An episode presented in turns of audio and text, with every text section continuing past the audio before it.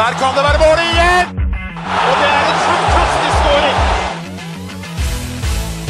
Så kommer den! Vi er våre beste menn. Vi har jo en del vi skal gå gjennom i dag. Skal vi bare, bare kjøre på med episoden vår? Ja, la oss gjøre det. Kjør. Heia Norge. Heia Norge. Heia Norge.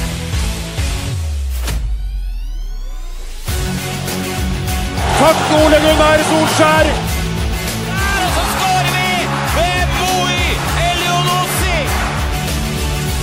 Rekdal skyter i mål! Og Norge leder 1-0! Så kommer den! Det er Tariq Elunussi som har sist på den!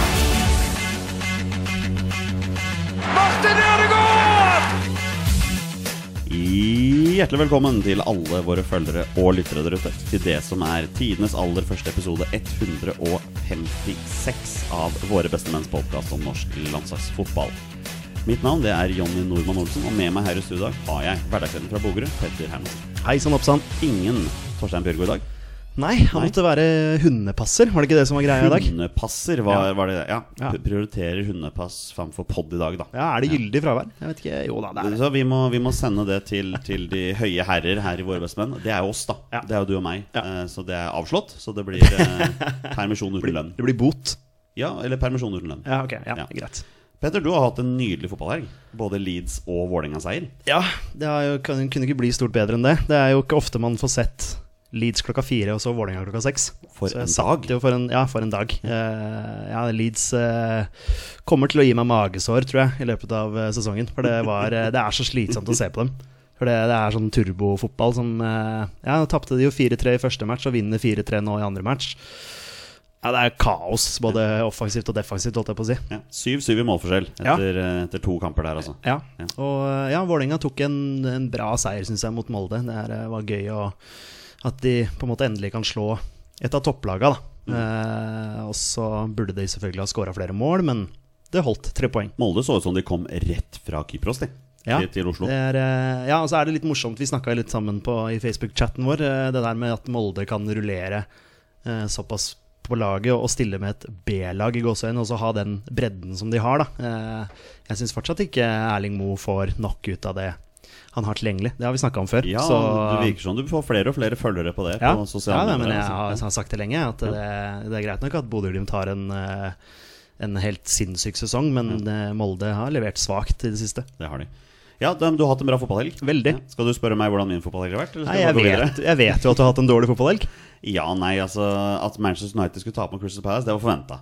Det var forventet, den, ja. så, den så jeg komme. Okay. Ja, ja. Men at Skeid skulle tape bort mot Alta, det var også forventa. Ja, det- Så egentlig har det vært en veldig forventa fotballhelg. Ja, men Alta-tapet er vel mer forventa. Sånn. Ja, men man hadde litt trua da man leda 1-0 til pause og sånn, men uh, utover andre omgang der så bare Alta var bare mye bedre. Ja. Så, så sånn er det. Men eh, Petter, vi har gjest i dag. Vi har det. Vi får nesten introdusere dagens gjest. Det er en eh, journalist i Dagbladet, ivrig Twitter-bruker og fotballkommentator for Strive. Med en åpenbart stor lidenskap for Serie A, da han tagger våre bestemenn hver eneste gang noe kan kobles mellom Serie A og norsk landslagsfotball. Det er Endre Lybekk. Velkommen til oss, Endre. Tusen hjertelig takk for det. Veldig Ja. hyggelig å være her. Ja, hvordan, hvordan har din fotballhelg vært? Den har vært uh, veldig fin. Kommenterte min første kamp for sesongen på lørdag. Da hadde jeg Hellas Verona mot uh, Roma. Eh, 0-0-kamp. Veldig kjedelig, men veldig digg å komme i gang for eh, min egen del. Så da mye av forrige uke gikk mot å forberede den, da, og forberede sesongen.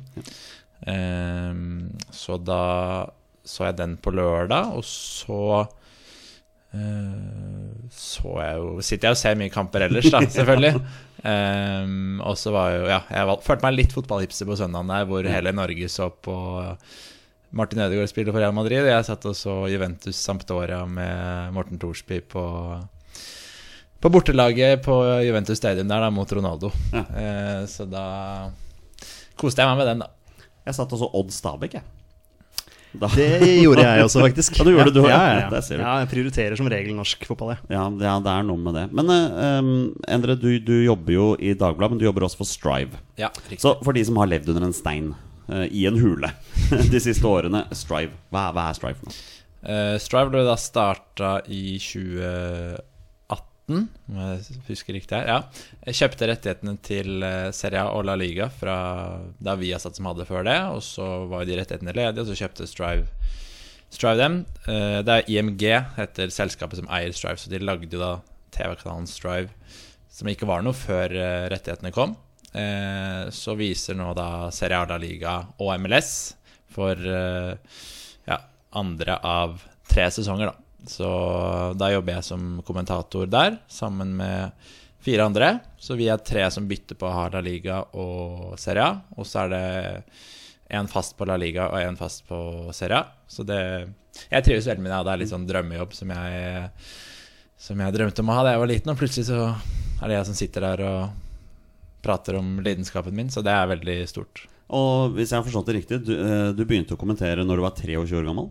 Kan det, kan det stemme? Ja, Ja. eh, da begynte jeg å kommentere eh, Serie A La Liga. Jeg begynte å kommentere for første gang da jeg var 20 Skal vi se 21 Ja. for Dagbladet. For da hadde Dagbladet rettighetene til toppserien. Så da fikk jeg prøve meg litt ut eh, der. Og så begynte jeg å kommentere, så gikk det bra. Så kommenterte jeg litt eh, andre div. En del Skeid-kamper, blant annet. ja. um, og så gikk det bra, og så fikk Strive rettighetene, så var jeg jo veldig på der og sendte mye mailer og sa at jeg var gira på å prøve meg der, og spesielt eh, lidenskap og Serie A, da. Så var det en lang prosess hvor vi til slutt ble valgt ut fem stykker da, til å kommentere. Så da fikk jeg høre at jeg var nå den yngste fotballkommentatoren i Norge, og tidenes nest yngste, hørte jeg. Simen Møller, eneste som er yngre enn meg. Damn you, Simen Møller. Ødelegger alt der. ja. Men jeg trives, trives veldig med det. Så fin kombinasjon med det og Dagbladet-jobben siden av. da Vi, vi snakket sammen før vi begynte å spille den her, at den lidenskapen din for Serie den begynte når du var ganske liten. Forstått? Det er helt riktig. Um, første gangen var da jeg var elleve år.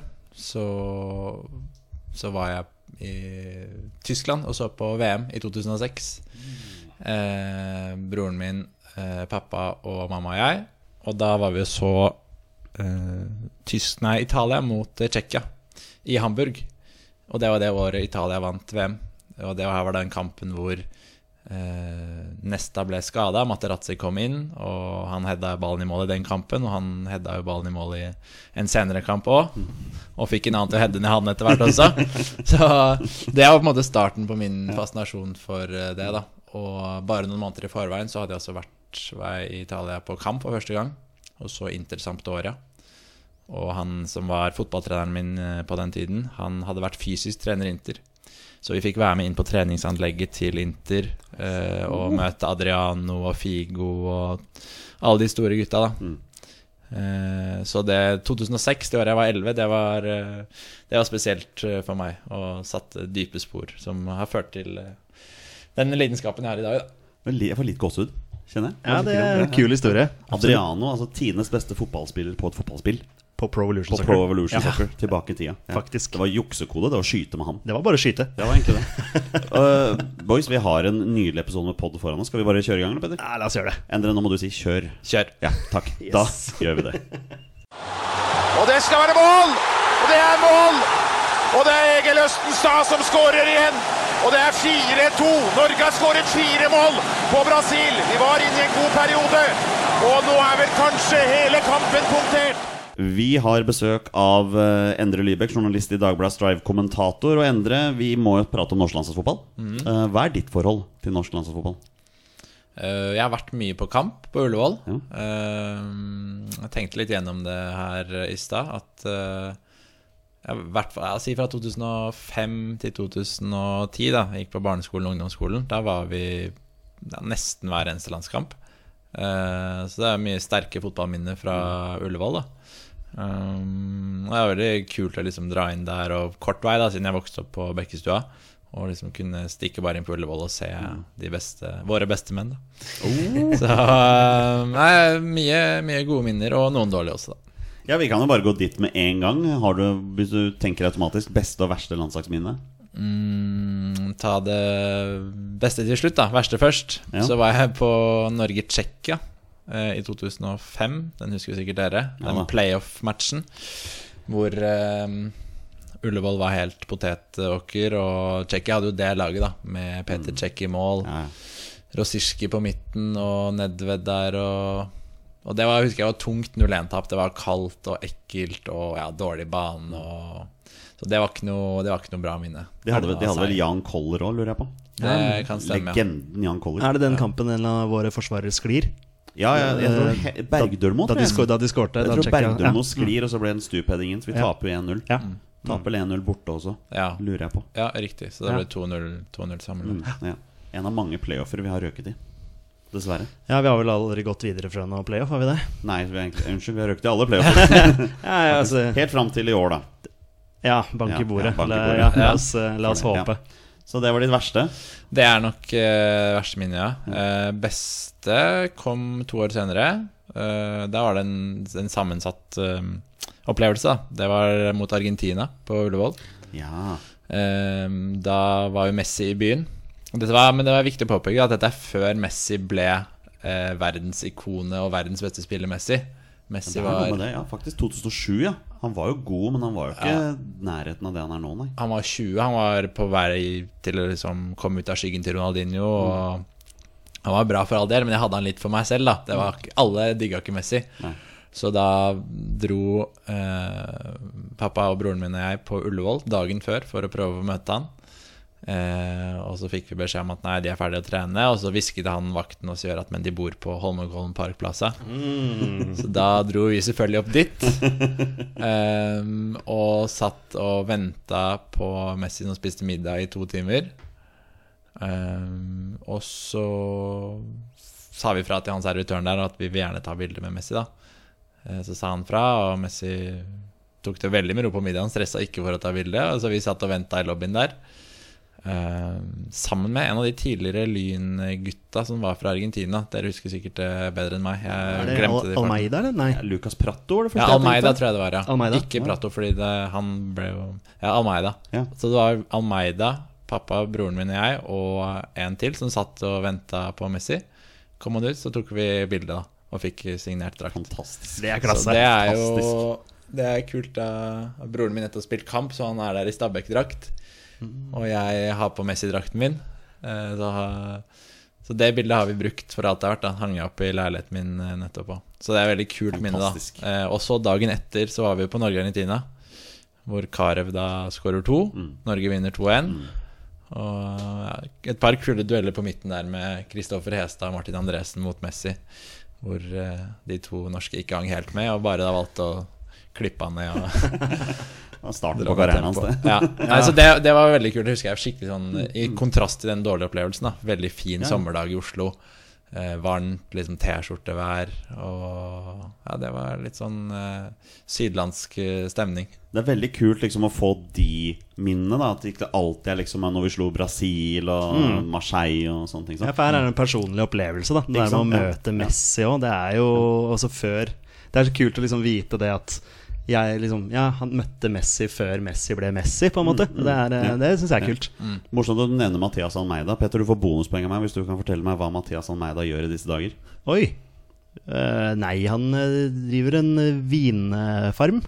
Han er manager for San Jose Earthquakes. Ja, ikke sant? Det- MLS, der har du den. Det burde jo, jeg burde jo skjønt det, at det var et eller annet At det var noe MLS-greier. Ja. Um, må bare spørre, da når vi snakker om personlige. For oss, vårt verste landslagsminne er jo playoffen mot Ungarn. Ja. Men, for deg, som er halvt ungarsk, så er det kanskje ikke like ille. Nei, jeg satt og så den med en del kompiser i, um, i byen. Um, og jeg husker det veldig godt at uh, jeg følte at det var veldig vinn-vinn for meg. da Ja. um, Så vi var faktisk og så Ungarn i EM året etter. Uh, så det var veldig, veldig kult. Um, De gjorde jo ikke seg bort i EM. Nei, de gjorde det Nei da, veldig bra. de gjør ikke det. Så nei, den, den kampen Det er mange som snakker om uh, Ødegaard og Henriksen på topp, at det var helt krise, og, men uh, jeg fikk noe godt ut av det uansett. Da. Ikke sant, ikke sant. Så uh, vi må snakke litt om Lars Lagerbäck, som er landslagssjef. Og du er klart du er journalist i Dagbladet, så jeg vet ikke hvor objektiv eller subjektiv du kan være, men jeg må jo spørre uansett. Hva tenker du? Lars Lagerbäck, landslagssjef. Er det, en, er det rette mann? Uh, jeg syns han eh, er det.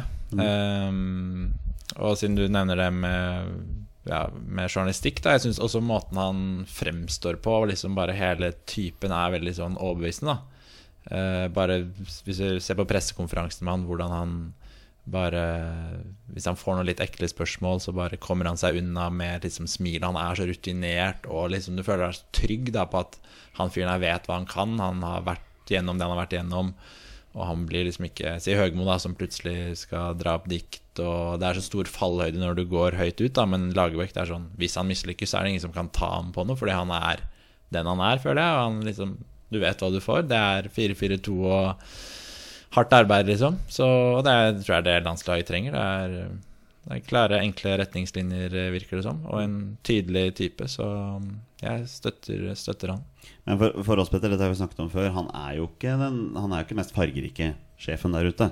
Nei, altså han er jo, han er jo traust eller tråkig, som han sier sjøl òg. Eh, og det, det, er fair, men jeg har også eh, Før vi begynte med podkast, så skrev jo vi blogg. Eh, da skrev jo jeg eh, om Lars Lagerbäck at jeg ønska han som ny landslagssjef. Og skrev vel noe av det som Even sier her også. Dette er med du vet eh, veldig mye om hva du får. Uh, og det har vi jo sett. Og så begynner man nå liksom med fasit i hånd og tenke sånn ah, er det, kan, å, har vært spennende å på en måte dratt dette enda litt videre, i og med at vi har så mange spennende unge spillere som, som da kanskje ikke får den samme muligheten under Lagerbäck som, som, de kanskje kunne fått under en annen landslagssjef. da Ja, for det har vi snakket mye om, Endre. Hva, hva tenker du om det? Altså, Vi har jo masse ungt, masse spennende. Er er Lars Lagerbäck rette mannen til å få disse spillerne fram landslagsmessig? Ja, jeg mener det. Jeg mener uh, Altså, du kan se Det er mye snakk om at det er mye spennende unge typer i det laget og det er det jo, men det er ikke så mange uh, Si Ødegaard-typer, da, som er ekstremt kreative og som kan sette opp kombinasjoner, og det er jo mange hardtarbeidende, si litt sånn Island-typer, da, som passer veldig bra inn i den Lagerbäck-måten å spille på. Så jeg mener det han gjør nå, som ligner veldig på det han har gjort tidligere, er liksom jeg mener det er veien å gå, da, at det passer bra til det spillematerialet Norge har. Um, så Nei, jeg tror, uh, jeg tror, det er et bra valg. Så får vi se hva som skjer videre nå, da. Men uh, det er jo en fyr som har fått det til veldig bra før. Og ja, jeg er litt som dere der, at uh, jeg syns det ja, Jeg kunne liksom ikke tenkt noen andre akkurat nå som kunne vært sånn veldig mye bedre. Jeg tror han er god på å få det beste ut av de han har, da. Ja, Hvem skulle det vært eh, hvis vi eventuelt skulle bytte landslagssjef nå, Peder? Nei, Er det ikke alltid Ståle Solbakken som, som kommer opp, da? Eller Drillo. Drill. Nei, jeg, jeg, har ikke noen sånne navn akkurat nå. Nå har vi Lagerbäck, og så er vi holdt på å si stuck med han. Men det er jo noe med det her at uh, kommer vi ikke til mesterskap, altså kommer vi oss ikke til EM, skal han fortsette da? Han har jo kontrakt. Ja, jeg vet det. Det er mange som har kontrakt, og så sier man fra seg den kontrakten. Så, men eh, ja, nei, det er sånn Kan jo Hva tenker du om det? Uh, nei, hvis det, altså, Jeg tror det er mange som undervurderer Serbia-laget litt. Og nå var det jo helt krise etter uh, Østerrike-kampen. Da gikk jo alt i dass, og så var Norge plutselig verdens beste lag etter Nord-Irland-kampen. Men hvis du ser på det Serbia-laget, selv om de surrer litt, så er det så mange spillere der som er spillere for store anledninger, da, som skrur på når de må, føler jeg. Så jeg syns ikke det er noen krise hvis de ryker ut der, for det er et veldig bra lag med masse bra spillere. Og jeg mener fortsatt han bør da ha en mulighet til til å ta ta Norge til et eventuelt neste mesterskap. Da. Jeg syns det blir dumt å sparke han da. Han har på en måte ikke hatt så lang tid med det laget heller, føler jeg. Så jeg ville gitt han tid ut kontraktsperioden uansett hva som skjer. Jeg er også enig med det Endre sier der, at uh, mange på sosiale medier undervurderer Serbia. Uten tvil at mange gjør det. Bare forventer at vi skal gjøre det mye bedre. Men er Serbia et bedre lag enn Østerrike? De er vel kanskje det? Ja, Det veit jeg ikke. Eh, nå fikk jeg se Mitrovic i helgen. Eh, Leeds møtte jo Fulham. Eh, han putter to, så han er jo en beist der framme. Så han er jo en å se, se, opp for, og i hvert fall siden vi også har den stoppeproblematikken som vi har. Eh, så eh, ja, det spørs hvem som skal gå i krigen og ta Mitrovic. Hva blir Ayer, da? Ja, Er ikke han den eneste vi har, da? Jo, omtrent. Den eneste. den eneste. Enig med deg, Endre, at det er ikke noen krise hvis vi ryker ut mot Serbia, som er et mye bedre lag. Men hva hvis vi slår Serbia og ryker mot Skottland eller Israel? Ja, det, det kan bli tungt. Det kan bli tungt. For, for, det virker jo som det er eh, hvis, eh, hvis det blir seier mot Serbia, så er alt ordna og fiksa. Men det er jo ikke det. Det kommer jo en kamp til. Og det ville jo egentlig nesten vært litt typisk Norge å slå Serbia og så ryke, ryke mot Israel. 0-1 mot Israel. Mot Israel etter at, uh, etter at en forsvarsspiller har sklidd eh, på en litt tung Ullevål-matte der. Så um, ja, men det er, det er, kult liksom at eh, de kampene blir så hypa opp, da, at det bygger seg inn, og at uh, det kom en seier nå mot, mot Nordland som gjør at det blir enda mer forventninger og oppspill rundt de matchene. Da. Det syns jeg er kult.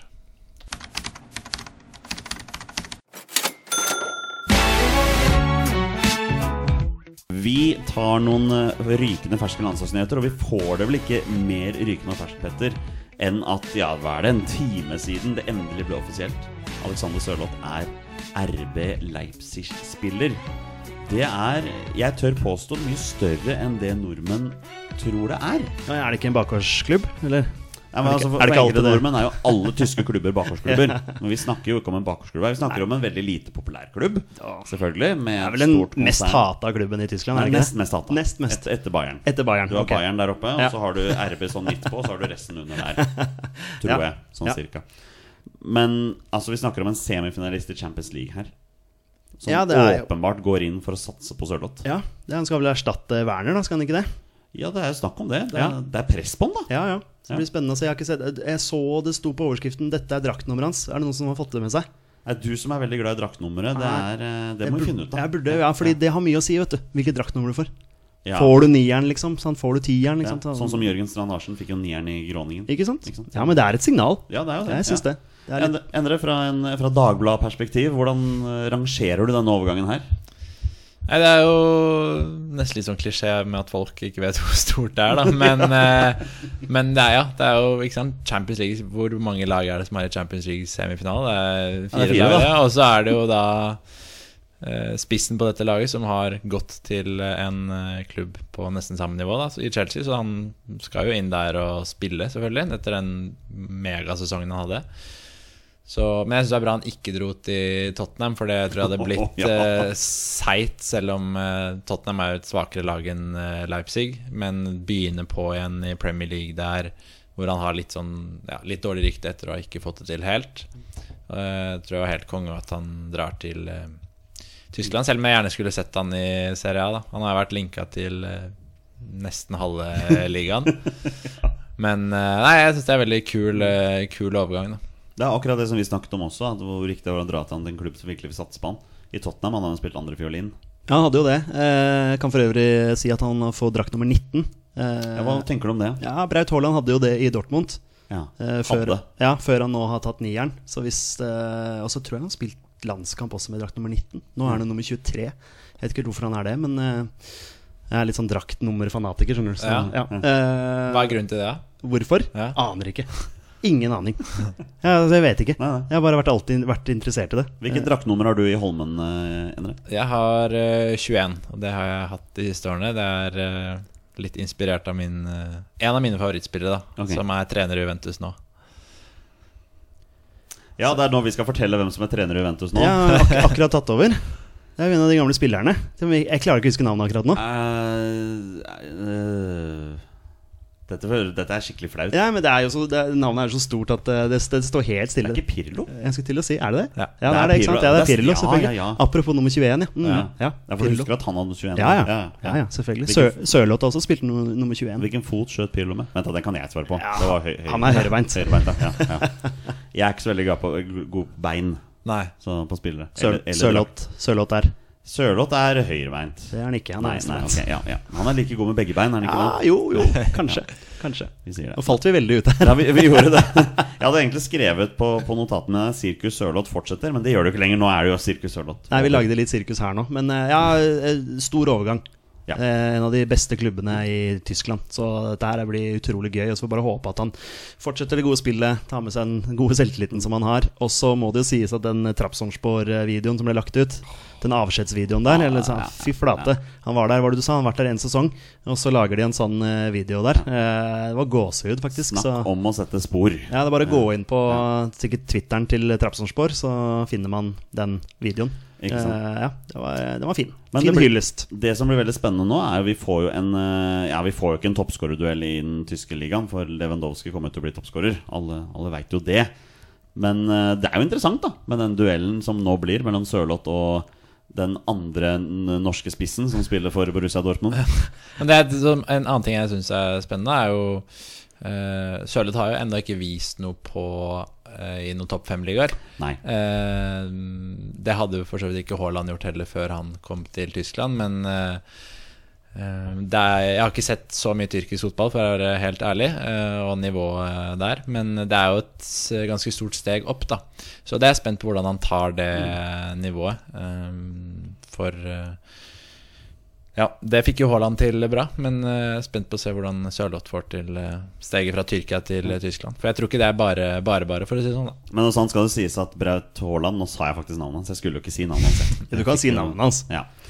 Han presterte jo Champions League Det er sant. for, for RB Salzburg. Det, der må jeg faktisk si Red Bull, for de heter jo Red Bull Salzburg. de. Ja, for de er Red Bull. Og så er det Leipzig heter jo Rasenball Rasenball Sport. Sport. Leipzig, ja. Mm, ja. Mm. Prøver alt de kan for å distansere seg fra den media-konglomeratet som er der. Ja. Ja, men Det er vel ikke lov i Tyskland å hete Red Bull? Er det Nei, jeg som tror det er det det er. det er så Så derfor sånn- måtte de gjøre Ja. om på det. Mm. Men vi kan snakke litt Søren eh, Haaland, da. Uh, seriepremiere, to goller.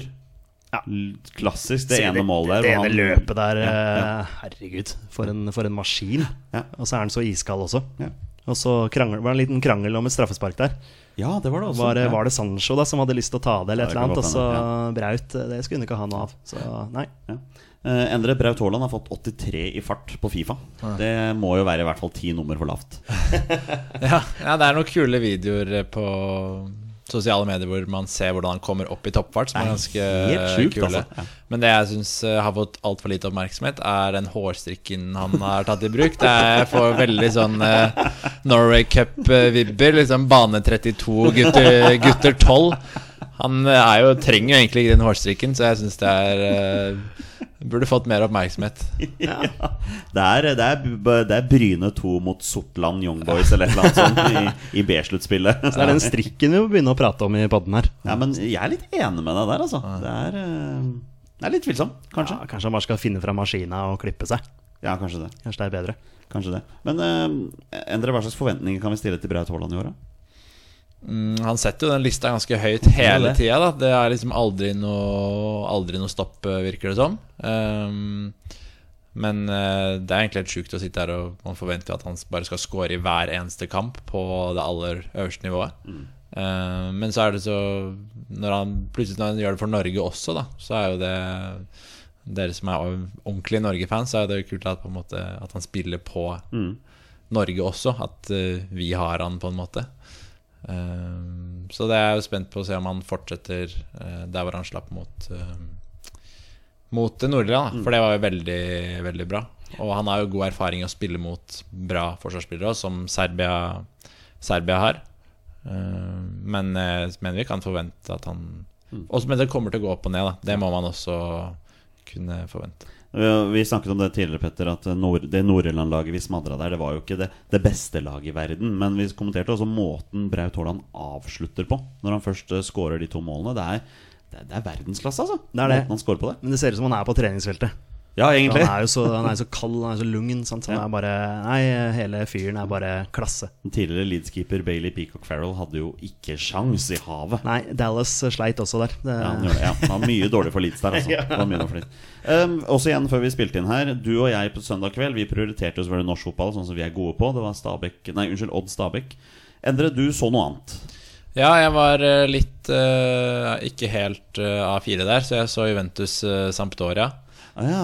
Så jeg kobla opp eh, Jeg fikk ikke se på TV der hvor jeg, Der var jeg en tur hjemom på, på Stabekk. Da fikk jeg ikke se på TV, for der var det mm, Martin Ødegaard mot gamleklubben. Så jeg satt og s- så på Strive på PC-en min. På Juventus samt Sampdoria da med Ronaldo mot uh, Thorsby. Men det er jo litt stort. La oss ta på litt nisselur her nå. Det er lov å gjøre det at, at Martin Ødegaard bare går rett inn i startervern. Ja, ja, det er klart det er utrolig, utrolig kult. Um, og selv om han ikke hadde scoring og assist, så gjør han jo tidvis en del bra på den oppsummeringa jeg så, i hvert fall. Jeg skjønte at det hadde vært ålreit. um, så det der er jo bare ja, utrolig kult. Og så, og så starter han da mot sin gamle klubb, altså klubben han var på utlån til. Var det et bevisst valg fra siden, eller, Petter? Ja, og så er det mange som spekulerer i at eh, det er på tide å liksom vise han fram, så vi kan selge han. Eh, det er jo litt sånn, eh, litt sånn Er det Matska kanskje da som melder noe sånt nå? er ikke det litt typisk? Nei, det er jo kjempestort, selvfølgelig. At han eh, Man kan jo håpe at det er fordi man har en plan for han, da. At Apropos nummer, drakt nummer 21. Ja, Ja, ja, ja Ødegaard? det samme. Var ikke det nummer 21 det òg, Jonny? Eh, jo, det jo, jo, det, det, alle veit jo det. Så det Han hadde den i Real Sociedad også. Ja, jeg mener han har tatt den med seg videre. Nå skal Ja. ikke jeg si det helt sikkert, men eh, ja, det er noe med det draktnummeret. Ja. det er en del store som har hatt Aymar hadde det i Valencia. Han er en eh, kremspiller. Eh, så 21 er litt sånn historisk sus over det. Zidane hadde det i Juventus. Tom Henning Håvi hadde det i Vålerenga. Ja, ikke sant? Samme kategori. Ja, det er omtrent det samme. Tom Henning Håvi og Aymar Martin Ødegaard. Er det der den eh, Ja, er det det Ja, ja. Hvis, hvis, hvis man skal begynne å ramse opp legender, mener jeg. ja, ikke sant? Ja, vi avslutter landslagsnyhetene med en litt glemt helt her av deg, Petter. Gyasaid. Ja. To mål. Uh, Apoel vant 2-0 mot Enosis. Uh, ja, han virker jo ikke å være nærmere landslagstroppen. Nei. Er, eh, han er vel ikke noe klassisk Lagerbäck-spiller. Dessverre, da. Det er det jeg mener med at hadde man hatt en annen landslagssjef eh, Det hadde kanskje vært fordelen med å ha Høgmo, da. altså bare sånn, han hadde jo miksa og triksa og brukt litt eh, forskjellig, sannsynligvis. Men eh, nei, det blir traust med Lagerbäck, men eh, det blir i hvert fall safe, da. Altså det blir Du veit hva du får. Eh, Så Gias og Tukki og disse gutta her, de er nok ikke med sånn med det første. Men Gias har nå debutert, så han er jo han er jo A-landslagsspiller for Norge, kan du si. Så han, han er jo bundet til Norge. Så vi får se. Jeg tror ikke han er med med det første. Stuss! Og det er mål! Norge leder 1-0 etter vel sju minutter. Og nå er det Ståle Solbakken som var sist på ballen. I tilfelle hans første landslagsmål i hans eh, 19. opptreden for Norge.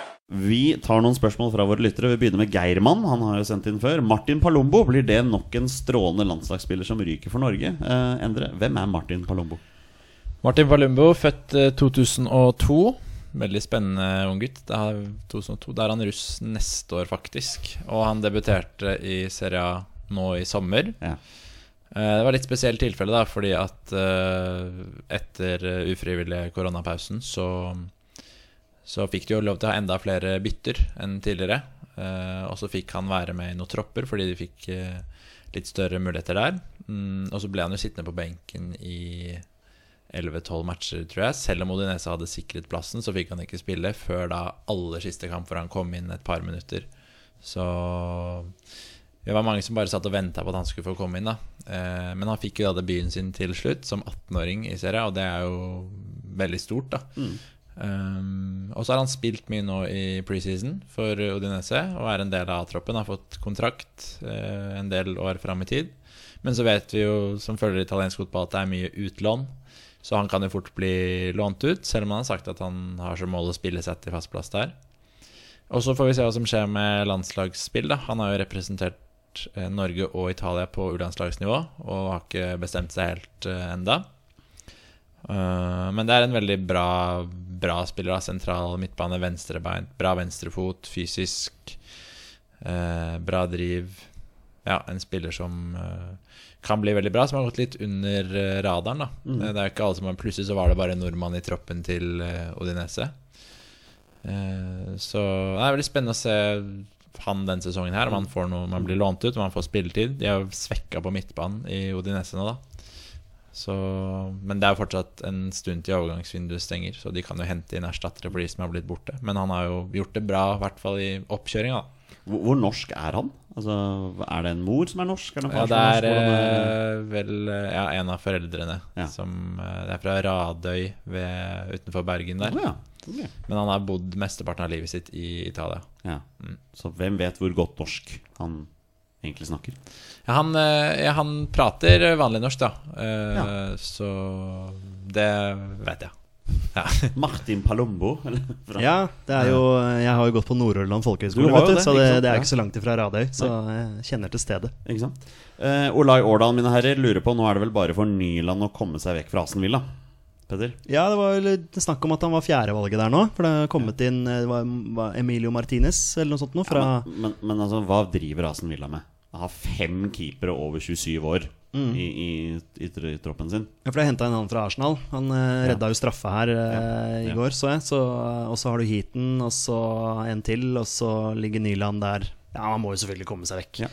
Dere, hvis vi skal ha en eh, som kan ta over etter Jarstein etter hvert, så må vi ha noen keepere bak der som spiller fotball. Endre, er det, en, er det en klubb i Serie A som har bruk for andre keeperen til Norge i, i mål? Eh, skal vi se her um, det, hadde, det hadde vært veldig moro, da, hvis han hadde dratt dit. Um, nei, sånn på stående fot Kanskje Kanskje Verona, da. De kommenterte jeg nå i helgen. Han keeperen der var jo helt uh, middels. Uh, Er det, så- er det Marco Silvestri? Nei, ja, det er det, ikke sant? Ja. Gamle, Gamle Leeds-keeperen, Leeds-keeperen. Ja, jeg, dig, jeg digga han da han var i Leeds. ja. Ok, så han er middels, ja. ja, det er ikke noe Jeg, vil ikke, jeg tror ikke Trond Nyland er noe veldig dårlig Mye mer dårlig enn han. Eller han er en grei, grei keeper, da. Men eh, Skulle bli den nye Buffon, da. ja.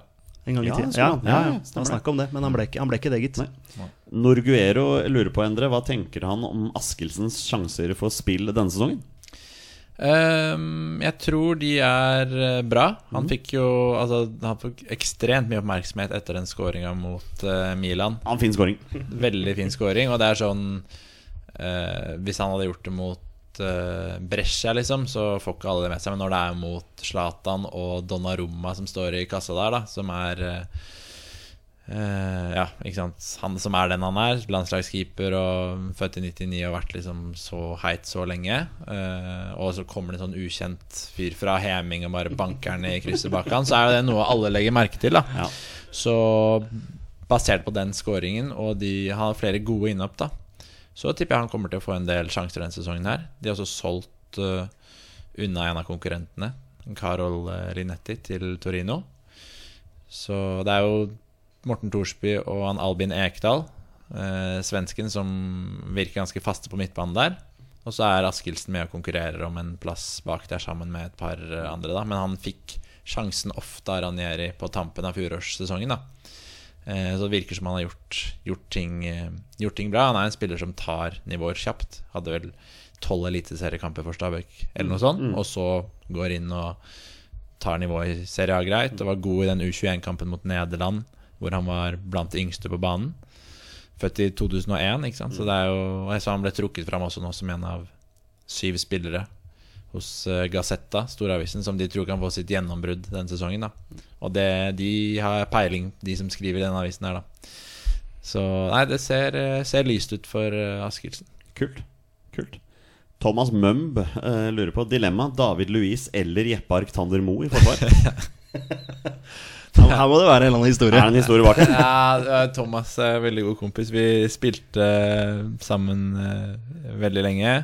Eh, blant annet sammen med Jeppe Arctander Moe, som spiller på Stabæk nå. Ja. som vi spilte med i Stabæk, da. Men nei, det er ikke noen spesiell historie der. Jeg tror han, det er morsomt at Jeppe har lykkes da fra den årgangen, årgangen vår. Men jeg, han, Thomas vet jo også at jeg er veldig fan av David uh, Louis. Da. Ja.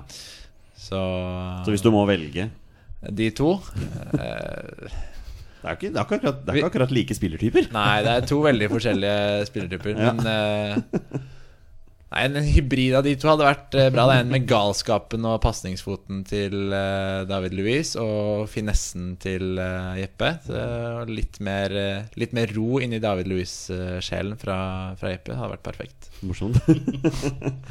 um, Bjørnar Løvrak lurer på Endre, topp tre nordmenn du gjerne vil se i Italia, og grei gjerne ut om hvilken klubb den spilleren passer inn i. Ja. Um, Ayer har jo vært nevnt uh, linka til Milan. Mm -hmm. uh, nå så jeg i stad at uh, Maldini, som er eh, blant de høye herrer i Milan nå, hadde vært ute og kommentert og sagt at de hadde ham på radaren, men Kult. at de ikke har lagt inn noe bud og noe veldig konkret, da. Men de har jo skader på Romagnoli og Musacchio, som er to stoppere nå, så de måtte jo spille med eh, Gabbia i går, som er et stykke bak i køen i utgangspunktet, da. Sammen med Simon Kjær fra Danmark, som virker ganske fast der. Så akkurat nå, hvis han hadde blitt henta i dag, da, så tipper jeg han kunne vært ganske nærme en startplass. Men når eh, Romagnoli, som er uh, bankers der, kommer tilbake, og Musakio, så tror jeg han har stilt et stykke bak i køen. Da. Så det hadde vært veldig kult om han hadde blitt litt sånn midlertidig løsning, da. Og bare fått noen kamper for Milan, hadde vært eh, helt rått. Men sånn på sikt så virka det ikke helt som om det var veldig mye hold i de ryktene. Nei. Men eh, hvis plutselig Romagnoli og Musaku er lenge ute, og de hadde henta han nå altså Han har fått spille mye fram mot uh, Mot julen, da hvis det skulle vært en sånn midlertidig erstatter, tror jeg. Fordi eh, de, det er tynt når de har får eh, to skader, da. Ja. Eh, så han er jo én. Um, så har det vært mange nordmenn som har vært uh, linka, da. Så det er gøy å se på de som kunne vært realistiske. Emil Bohinen har jo vært linka til uh, Genoa, blant annet. Ja.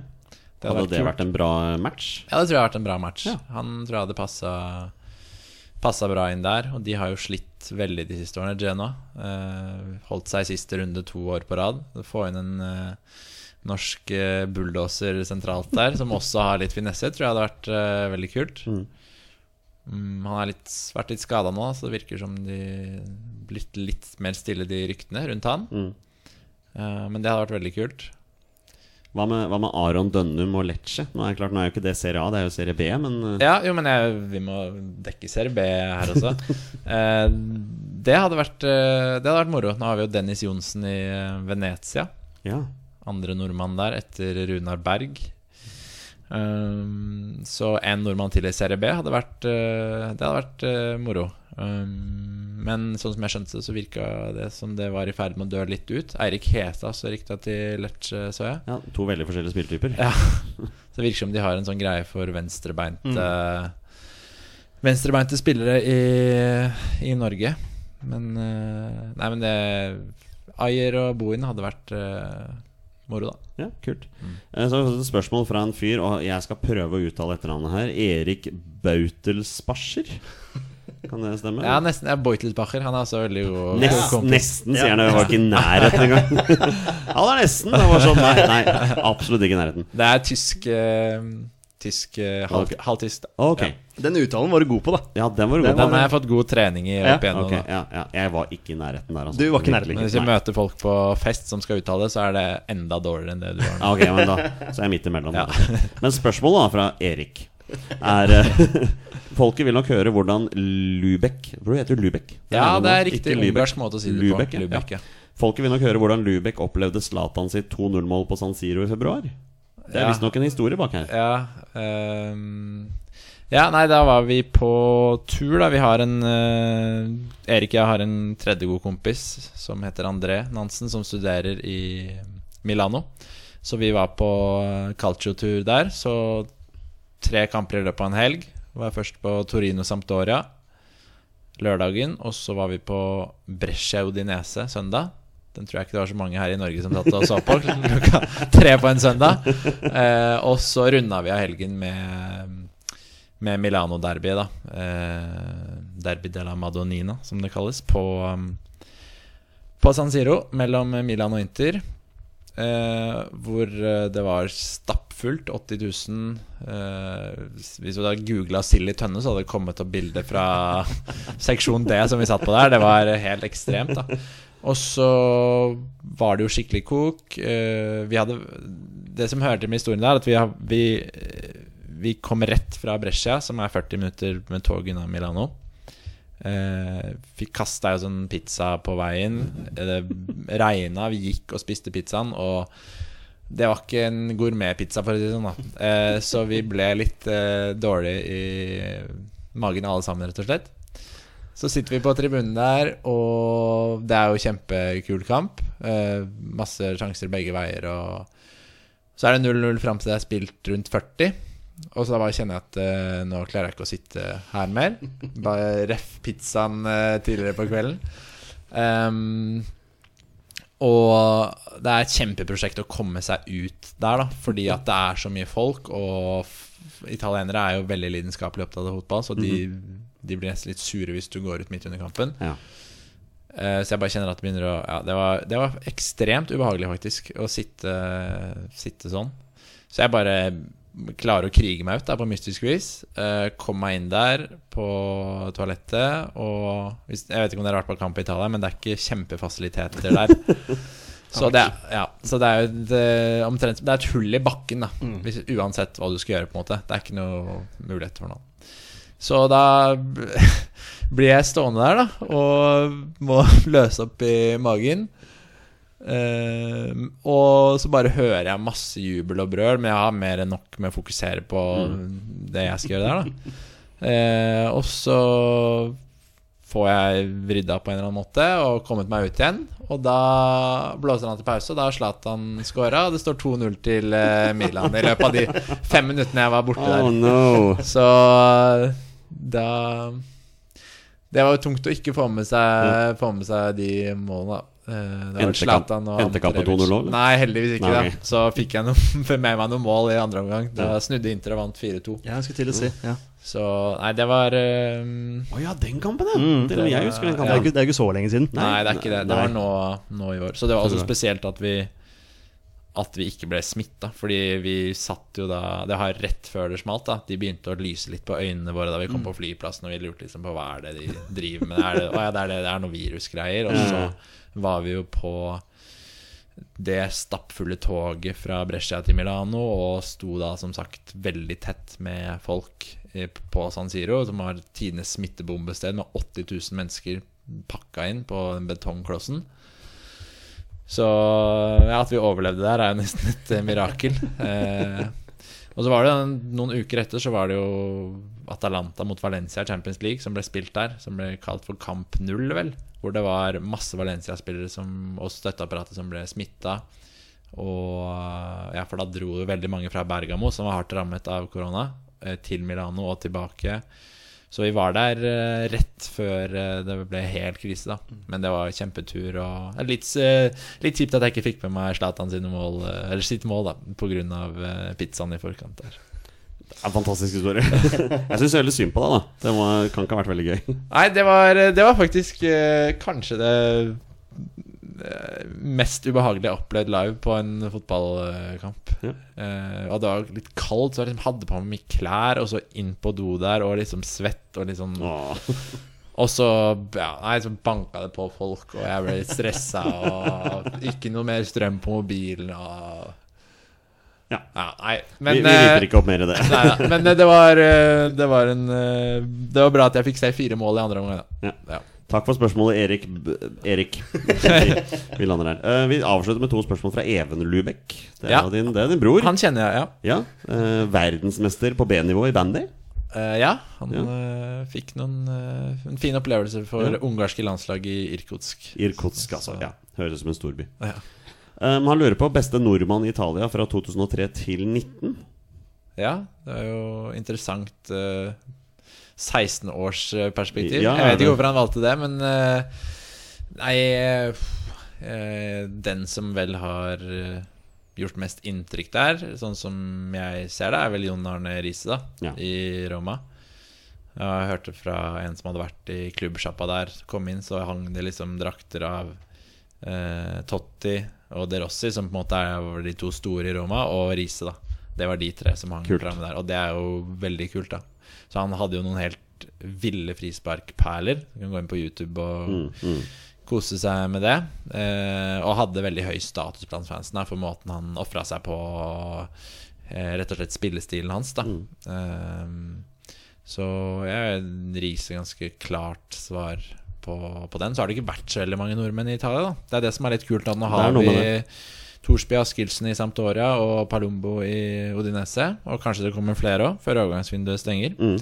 Men det har på en måte ikke vært så veldig sånn tradisjon for uh, nordmenn i, i Serie A. Så hvis det virker som det er litt i ferd med å snu nå, og det er kult. Det er veldig gøy. Siste spørsmål fra Even er Kan han fortelle om sin opplevelse med Flo, Flo, Flo?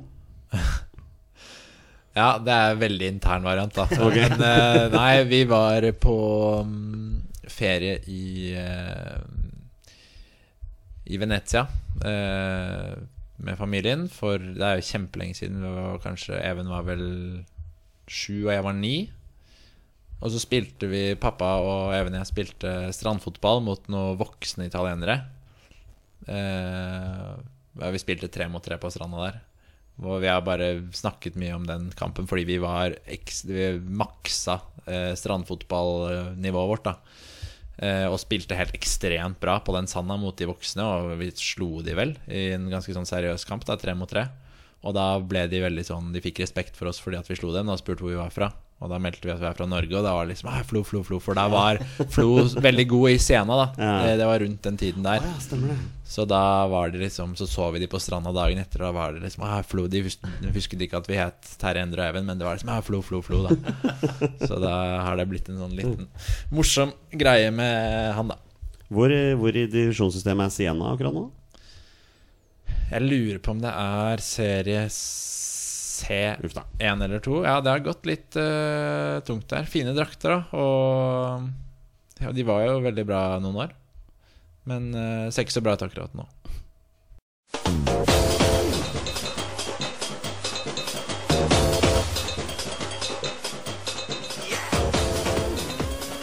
Dette er Drømmelaget. De fleste fotballpodkaster ute har jo en drømmelagsspalte, og vi er jo ikke noe annerledes enn det. Og når vi først har en gjest i studio, så må vi ha et eget drømmelag. Og Endre, du har fått, eh, du har fått reglene våre når du skal lage laget. De ja. må ha en tilknytning til norsk landslagsfotball, eller så velger du formasjon og spillere sjøl. Ja. ja. Hva har du med til oss? Eh, jeg har da med et eh, lag som jeg Nå er jeg litt lei av korona, så den har jeg valgt å kalle Kjøla 1-meteren fordi dette er da spillere med tilknytning til landslagsfotball som jeg har vært under eh, Som jeg ikke har hatt én meter avstand til. Det hadde vært nærmere enn én meter. På Oi, en eller, annen, en eller annen måte. Veldig kult. Um, ja, Så det var det temaet jeg gikk for. Det, det, er sånn protest mot koronasmitten, dette her, egentlig. Neida. Uh, så Få høre. Da har jeg valgt uh, 3-5-2 som formasjon. Uh, Italia-inspirert, selvfølgelig. Det er formasjonen som eh, det sverges til eh, der. Mhm. Eh, og da har jeg Skal vi se, begynne med keeper, bare. Mm. Eh, da har jeg valgt i mål uh, en som heter Christian Bjerke, som ja. kanskje ikke alle Jeg kjenner. har hørt navnet. Men Bærum? han, ja, han spilte jeg med i Holmen. eh, og han har fire landskamper for eh, 89-landslaget. Samme som Per Egil Flo, blant annet. Ja. Jeg har hørt navnet, vet du. Ja. Så vi spilte sammen i Holmen i fjor, og var med på sikre plassen på høsten der etter at jeg hadde hatt én seier på de første tolv kampene. Så kom bl.a. han og jeg og noen flere inn på høsten og bidro til at vi holdt oss på mirakuløst vis i fjerdediv Oslo avdeling 1.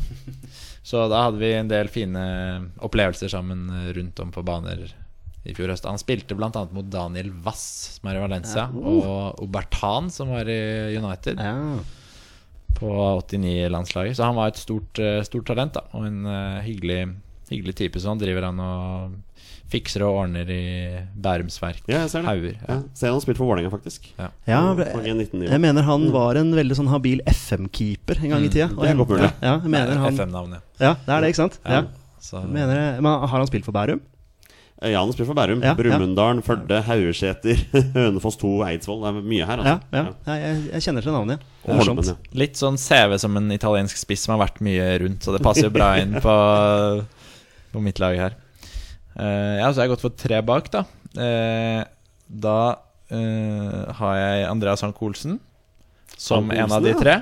Som da er i bruttotroppen til Norge. Var jo med i troppen sist. Mm. Eh, han spilte jeg sammen med i Stabæk. To år yngre enn meg, men han hospiterte jo opp tidlig fordi han rett og slett var god i fotball. Mm. Og så gikk vi også på samme fotballakademi, som heter eh, NFA, Norsk Fotballakademi, da vi var små.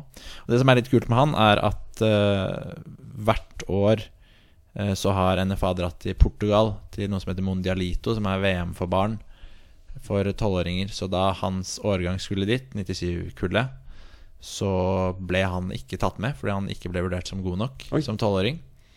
Ehm, også at han da er der han er i dag, eh, selv om han ikke ble regnet som eh, god nok på som tolvåring til å være med mm, der. Selv, det var tøff konkurranse, selvfølgelig, men eh, det er vel Ja, uansett veldig kult da, å se at han har eh, kommet så langt som han har kommet, selv om han ikke var best da han var tolv.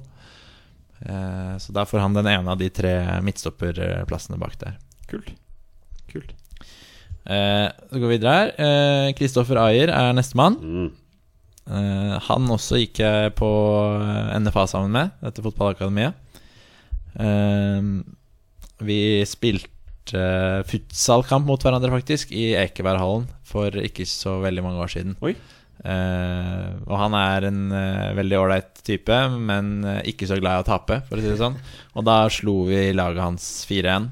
Eh, så det ligger et bilde ute på Facebook hvor han prøver å smile, men ikke så glad for at hans lag Løkka tapte mot mitt lag NFA Legends. da 4-1 der. Er dette gode gamle Oslo Indoor? Ja, IFS. Ja, IFS, ja. Ja. Morsomt. Litt eh, surt at det ble lagt ned, da. For det var mye kule opplevelser der. Løkka? Har ikke vi spilt mot dem? de? NFA Legends husker jeg. Ja. Jeg husker det navnet. Ja, Ja. ja, Løkka altså. Hva var det dere het, da? FC Uro. FC Uro. Ja. Mm. Vi var bare med. Det var bare, var bare gøy. Ja, ja. Men eh, ja, vi har nå spilt en del kamper der oppe. Ja. Ja. Nå faller vi ut. Ja. Ja, det er hyggelig. Nei, men det er Mye gode minner fra Ekeberghallen. Um, også siste stopperen der er um, Carl Petter Løken. Oh! Som eh, vel har vært her eh, et par ganger. To ganger, ja. To Stemmer det. ganger. Eh, han eh, Han hadde også en eh, Hans sønn Oskar gikk på NFA. NFA. Spiller for Raufoss.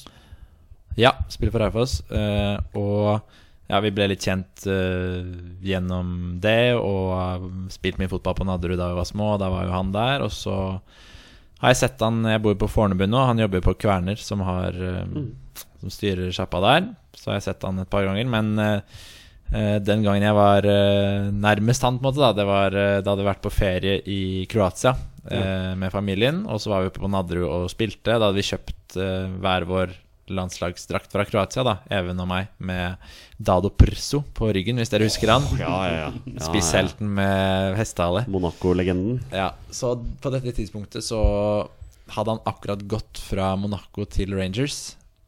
Det var vel sommeren 2004. Eh, og da hadde jeg på Purso-drakten Vi spilte med Carl Petter og jeg mener Oskar var der òg, og broren Carl Magnus. Eh, og, så, og da var jo Carl Petter fotballekspert i NRK. Eh, og vi fulgte jo med og hørte på Radiosporten og alt. Eh, og så sier han ja, Dado Purso, Monaco-spilleren, liksom. Kult at dere har drakt til han. Og så da jeg følger jo med på fotball, og jeg fulgte kanskje enda mer med da. Så jeg tenkte, ja, han spiller ikke på Monaco, men han har gått til Rangers. Og da var det en liksom Jo, men han er i Monaco og har hatt en bra sesong der. Så sa jeg nei, men han er i han er i Rangers nå, og da ble det litt Det ble ikke dårlig stemning, men det ble litt sånn Jeg, jeg visste at jeg hadde rett, for jeg var veldig oppdatert. Og så var det Det var jo litt før um, eh, smarttelefoner, så vi kunne ikke sjekke det der og da. Men jeg husker den tilfredsstillende jeg fikk da jeg kom hjem og så at jeg hadde rett. Og hadde eh, på en måte rett over fotballeksperten i NRK. Ja, ja. Og da begynte jeg å drømme litt om at ja, kanskje jeg kan jobbe med det her en gang. Så, men eh, veldig ålreit, eh, fin fyr, da. Karl Petter. Kult. Uh, yes, midtbanen så er litt sånn skjev femmer der. Uh, ute mot høyre først, da, så har jeg satt opp Martin Ødegaard. Um, fordi at han er den spilleren, eh, idrettsutøveren, som jeg har intervjuet flest ganger Ah, ja. uh, i jobb, da. Uh, alle tre gangene i forbindelse med U21-landslagskamper. Um, og da var han på en måte Han var jo så veldig ettertrakta, men det var ikke så mye presse rundt han de gangene jeg var der, så jeg fikk prate med han litt én til én og, og gjort litt eh, ordentlige intervjuer, da, ikke bare sånn fellesseanser.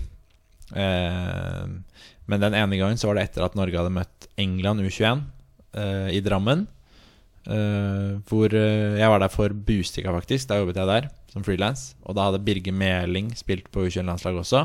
Hatt en veldig bra sesong på Stabæk. Og da jeg skulle på en måte lage en vinkling på han eh, Og så står Ødegaard der og får spørsmål om Real Madrid og alt mulig. Uh, og jeg med litt sånn Bustika-nisselue på spør hva han syns om Birger Meling. Så det er, der var det noen jeg har fått mye tyn i etterkant fra for at det var det jeg spurte Martin Ødegaard om, liksom. Litt sånn uh, spørre Solskjær Eller spørre Klopp om Solskjær. og- Ja. Så det var min, uh, mitt nisselue-moment på Marienlyst i 2015. Med Ødegaard. Um, andre kanten så har jeg valgt uh, uh, Tore Pedersen. Oi. Som uh, har Han fikk mange landskamper, jeg sjekka i stad. Mm. Overraskende mange, kanskje, for, for noen. Han var nevnte Thomas da som sendte inn spørsmål her i stad. Han øh, var med meg på tur. I 2014 så vant jeg en tur til eh, London med Norsk Tipping. Det var sånn konkurranse på Facebook. Sånn bare sånn Svare for moro skyld. Kult. Og så ble jeg ringt opp Hei, vil du ta med deg en kompis til London og se England-Norge? Vi dekker alt, liksom. Selvfølgelig vil jeg det. eh, og da var bl.a. blant annet Tore Pedersen en av de som eh, var med oss på kamp eh, da vi så England-Norge. da Mm. Så da satt han og en annen fyr som jeg kommer tilbake til senere, eh, bak i bussen. Og da var det gøy å sitte og høre på de snakke om eh, spillere og hvordan han jobba som agent og sånn. Så det ble litt sånn krydder på turen å ha med han, da. Morsomt.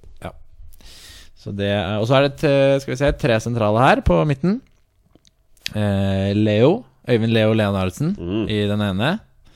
Um, han var trener på uh, fotballakademiet NFA jeg gikk på. Ja. Um, jeg så han senest på Fornebu på lørdag, faktisk. På vei inn til byen der. Uh, hyggelig å slå en prat. Uh, han lærte meg noe som jeg har uh, brukt mye som heter to-touch-terror, som er et eh, Som er en sånn trikselekvariant hvor man eh, kan man kan man holder ballen i lufta på to touch, kan bare slakte hverandre under knehøyde. Eh, så det kreves jo mye teknikk for å få det til, da. Men uh, han og jeg spilte det, mm, spilte det litt, og det har jeg gjort med mange siden også. da Og det er veldig sånn med konkurranseinstinkt eh, og taperstraff, og han lærte meg mye av det, da. Uh, så han Han har jo hadde jo en helt utrolig bra karriere også, og har blitt bra trener nå. Er i Mjøndalen som assistent. Så det er kult å se at han fortsetter i fotballverden Eh, og så har jeg eh, to litt foran Leo, da. Sander Berge, så den ene. Eh, han har jeg spilt veldig mye mot, ikke med, men han spilte jo på Asker sitt 95-lag. Eh, jeg er født i 95, så spilte på Stabæk 95. Og han spilte da tre år opp fra han var Ja, fra vi var 13, så han var jo 10 og spilte tre år opp, men det var jeg, helt jeg visste ikke at han var tre år yngre før noen sa det til meg, fordi han var jo fysisk da han var liten, eh, og tidlig utvokst. Og spilte jo som alle andre der. Det var ikke noe du så at det var en liten gutt som fikk være med de store. Han var, han var som oss, da. Men veldig bra. Det var litt sånn, han er litt tre år yngre. Bare Å, shit, da er det enda mer imponerende, da. Så han uh, har mange, mange dueller mot han, og det Asker 95-laget var jo veldig bra, da. Med både han og han Wajeba Sakur, Ja. som er i Kreta nå. På Kreta, jeg tror det kanskje. Riktig preposisjon som journalist. Det er viktig. Uh, og han Sondre Solholm Johansen, som er i Mjøndalen. Alle de tre spilte på det Asker-laget, som var veldig bra, da. Så det var Sande Berge der. Og siste på midtbanen er Morten Thorsby. Som jeg spilte med i Stabæk eh, på 95-laget. Han er jo 96, da, så han spilte et år opp med oss. Og ja, veldig gøy å se at han har eh, fått det til såpass bra. Da. Klart beste spilleren jeg har spilt sammen med. Klassespiller. Enig. Eh, og så på topp, da, så har jeg valgt å ta med en av det motsatte kjønn. Hvis det er lov? Klart Ja, Caroline Graham Hansen. ja. Som uh, også er uh, født i 1995, like gammel som meg. Uh, første gang jeg husker jeg spilte mot henne, var i noe som het VG Cup inne i Valhall. Tre mot tre på sånne små mål. Oi. Da var vi Ja, vi var vel ni år. Og vi var vel tre, ja, tre ganske ivrige Stabæk-spillere. Så vi skulle spille mot Lyn, da, som hun var på. Og vi var å, spille mot en jente. Det her ble jo lett. Men det ble det ikke. Eh, for å si det sånn. Eh, så da ble jeg merket igjen og møtte en eh, Lyn i masse cuper og kamper senere, og det var jo helt vilt å se hvordan hun herja, da. Med, med alle. Og helt fram til gutter 15, da. Det var det siste jeg husker vi spilte mot Lyn med Stabæk. Hvor uh, vi vant 1-0, men det var ingen som alle etterpå bare Shit, hun Karo holder fortsatt så bra nivå og liksom er blant banens beste i en topp nasjonal gutte 15-kamp. da Og så gikk hun jo til Stabæk det året vi var 15. uh, og da trente hun også med oss, og vi var, uh, ja, vi var i norgestoppen, og hun hang veldig bra med på våre økter. Eh, men det var litt sånn befriende at vi skulle slippe å spille mot henne da, da hun kom til Stabæk. Hun skulle jo spille på damelaget, selvfølgelig, men eh, hun trente jo med, med oss litt i starten. Eh, så det er også ja, Se hvordan hun har fortsatt, og hun gjør jo det hun gjorde på gutte 15 med de største mm. spillerne i verden på Ja. damesiden nå, da. Og liksom bare dribler og koser seg og gjør det veldig bra. Så det er veldig gøy å se. Gram. Siste er uh, Karev Karev. på topp. Karevjon. Karevion, ja. Eh, han eh, Det er egentlig bare Even jeg som var og så på en landslagstrening på Nadderud. da de trente der. Mm. på den gressbanen, hvis dere husker den. Ja. Den som er på andre siden av svømmehallen. Eller veldig lokalt her nå. Men uh, eh, der vi har et bilde hjemme hvor vi Hvor Even og jeg er veldig små. Da Vi til sammen er like store som uh, Karev der.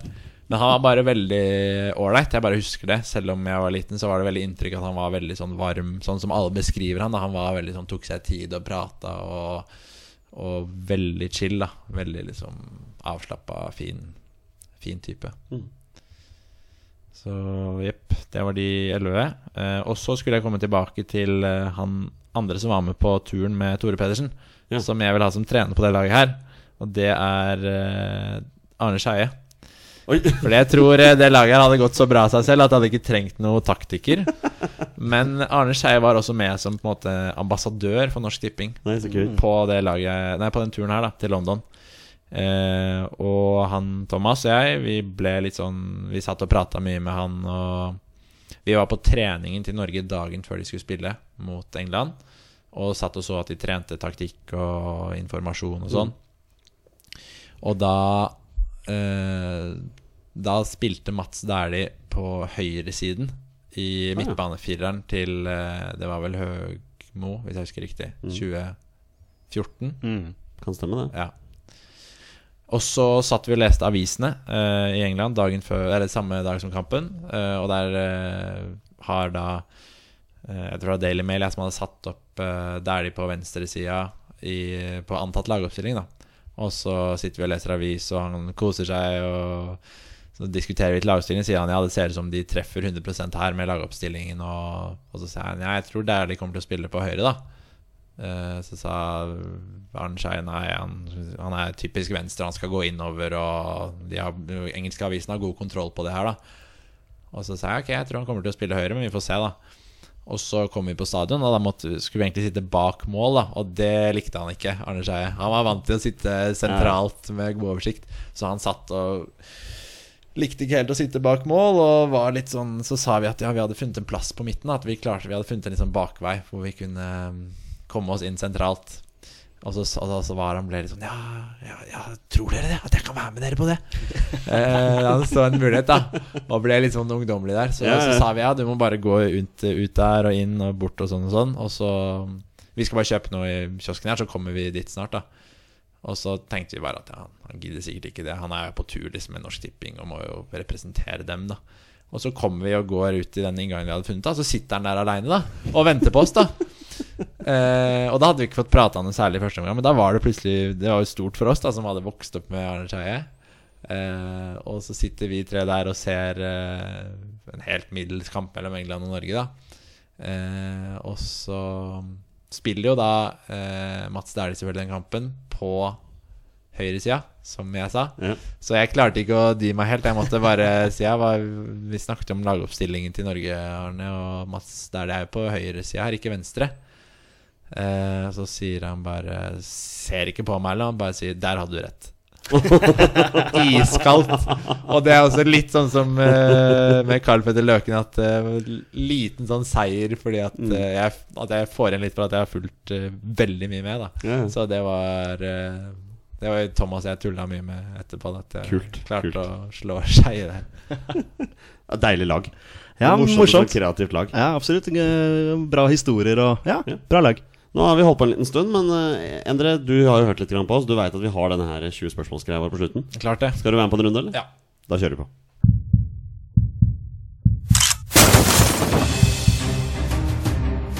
Er han nåværende landslagsspiller? Er han utenlandsproff? Er han fortsatt aktiv? Er han back? Har han spilt for Rosenborg? Mine damer og herrer, det er nå tid for 20 spørsmål. Vi avslutter som vi pleier med en runde med 20 spørsmål. Petter og Endre har da 20 ja-nei-spørsmål og kommer fram til spilleren jeg har funnet fram. Det er da en spiller som har minst én A-landskamp for Norge. Bonusregelen her, våre bestemenn, er at når de gjetter navnet på en spiller, da er spillet over, og de har vunnet eller tapt. Dagens trist, mine herrer, er ingen spørsmål om antall landskamper. Vær så god. Ok, da er, eh, da er vi klare. Har du lyst til å starte, eller? Eh, Husker du, eller? Ja, du har jo hørt på oss. så- Ja, ja, ja. jeg må jo det. Ehm, jeg kan jo begynne å spørre om spilleren er aktiv, da. Er det spørsmålet? Ja. Ja. Da, er liksom, da, da tenker jeg Serie A med en gang, ja, fordi du er her. Men så er det kanskje Jonny er en luring òg, vet du. ja. Uh, så rett og slett bare finne ut uh, hvor han er aktiv.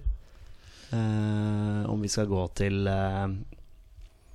Om vi skal gå til det store utland. Det er Ja. gøy å bare gå for det med en gang, siden du er her. Ja. Jeg spørs åssen Jonny har tenkt i dag. Ja. Eh, er han aktiv i uh, italiensk fotball? Nei. Det var ikke så lett. Ok, da har vi Er han aktiv i topp fem-ligaene? Nei. Uh, spiller han her hjemme i Norge? Nei. Ai, ai, ai. Ok. Ok. Mm, Ikke topp fem. Ikke Men eh, Norge. nå stiller jeg et spørsmål der, men det er ikke noe krav at han må være Han kan være aktiv nå, men ikke i, på landslaget nå. Mm, helt riktig. Ja. Så han skal bare ha spilt en kamp Ja, for Norge. Det er eh, det eneste kriteriet, sånn sett. Ja. Eh, men han er ikke aktiv her hjemme. Eh, er jo spennende selvfølgelig å høre om han har vært med i noen Lagerbäck-tropp. Ja. Har han vært med under Lars Lagerbäck? Ja. Mm, Ok. Kanskje om om det kan jo Jeg vet ikke om litt, Nesten litt for åpenbart om han var med i forrige tropp, eller kanskje, siden du sier Ja, du kan- Jan er en luring her Du kan eh, ha, Har han vært med Var han med i forrige landslagstropp? Nei. Han har vært med under Lars. Og så er han aktiv i utlandet en eller annen plass. Men ikke Ikke Topp- ikke topp fem. topp fem-ligaene. Men det går jo fortsatt an å spille i Bundesliga 2, for eksempel, kanskje. Da. Jeg bare tenker, det er jo Det går an. Ja, Absolutt. um, hvilke andre som kan være sånne muligheter. Men skal vi gå for en posisjon her, kanskje? Prøve å finne Ja, det? Bare det sånn, jeg er bra. for å få noen navn her. Ja. Eh, snakker vi her om en offensivt anlagt spiller? Altså midtbane eller angrep? Ja. Ja. Skal vi gå konkret på det, da, kanskje? Ja. Er han angrepsspiller? Ja. Ok, jeg tenkte på Kunne vært Mats Dæhlie, men han er ikke angrepsspiller. Angrepsspiller. veldig- Men det er Belgia, da. Håvard Nilsen var det første navnet mitt. Men uh, Ja, fordi nå er det clean table. Fordi at uh, Ku, ku, ingen spørsmål om, om eh, antall landskamper. Nei, det er det jeg tenkte mer på at siden vi har gjest, betyr det at alle spillere er up for Ja, grabs? alle Ja. up for grabs. Ja. Ja. Stemmer. Fordi du har ikke oversikt over alle spillerne vi har hatt i 20 spørsmål tidligere. Nei, så, så nå Ja. er det Ja, men ja, Håvard Nilsen var første navnet jeg kom på. Apropos angrepsspiller. Men har han vært før? Ja, han har vært før, men, men det er eh, Ok. men, men har han vært med under Lagerbäck? Det har han nok ikke. Det har han nok ikke. Nei. Nei.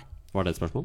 Eh, nei. Det er vi, eh, vi to som har fasit. eh, De bare diskuterer. Ja, men han har nok ikke det. Nei, jeg tror ikke det heller Han var sånn Høgmo- Høgmo-spiller, han. Prosjekt. Ja, faktisk. Um, ok, han har vært med under Lagerbäck, men ikke med i siste tropp, og ikke i topp fem. Og, off, og angrepsspiller, var det Ja. du fant ut? Ja. Ja. Sødelund.